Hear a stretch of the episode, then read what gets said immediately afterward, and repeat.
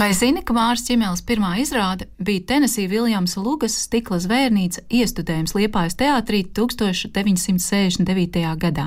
Laikā, kad Māri Čimēl vēl mācījās Vissavienības teātra institūtā trešajā kursā. Izrādes scenogrāfs bija Andris Freibergs, komponists Imants Kalniņš. Mārai Čimelē bija tikai 23 gadi.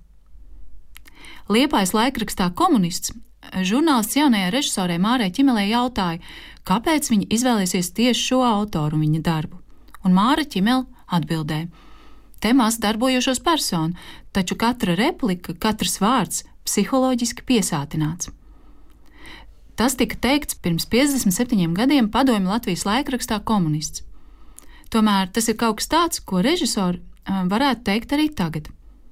Kā toreiz, tā tagad šķiet apbrīnojams Mārs Čimels tiešums un īstums, kuru neietekmē bailes no režīma vai valdošās ideoloģijas.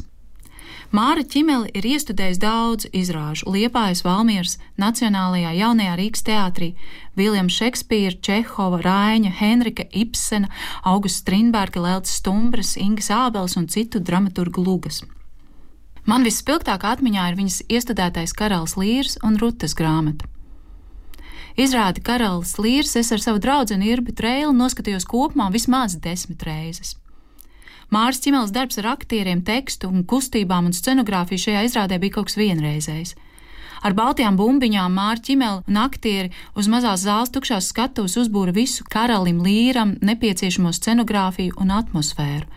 Bumbiņas bija gan vētra, gan acis, gan sniegs, tās varēja kļūt par ķermeņa daļām vai emociju izpausmi. Un aktieri spēlēja ļoti aizrautīgi un intensīvi. Man tā bija neaizmirstama teātra pieredze. Arī daudzas citas māras iestudētās izrādes man šķitušas ļoti nozīmīgas un īpašas. Man šķiet, ka Mārta Čimela ir viens no labākajiem Latvijas teātra režisoriem. Māra Čimela ir audzinājusi un izaudzinājusi daudzus spožus mūsu aktierus un režisorus, un viņa turpina to darīt. Mārai Čimelē pēc pāris mēnešiem, 2023. gada 20. decembrī, paliks 80 gadi. Viņa joprojām ir viena no labākajām mūsu teātra māksliniecēm un pasniedzējām.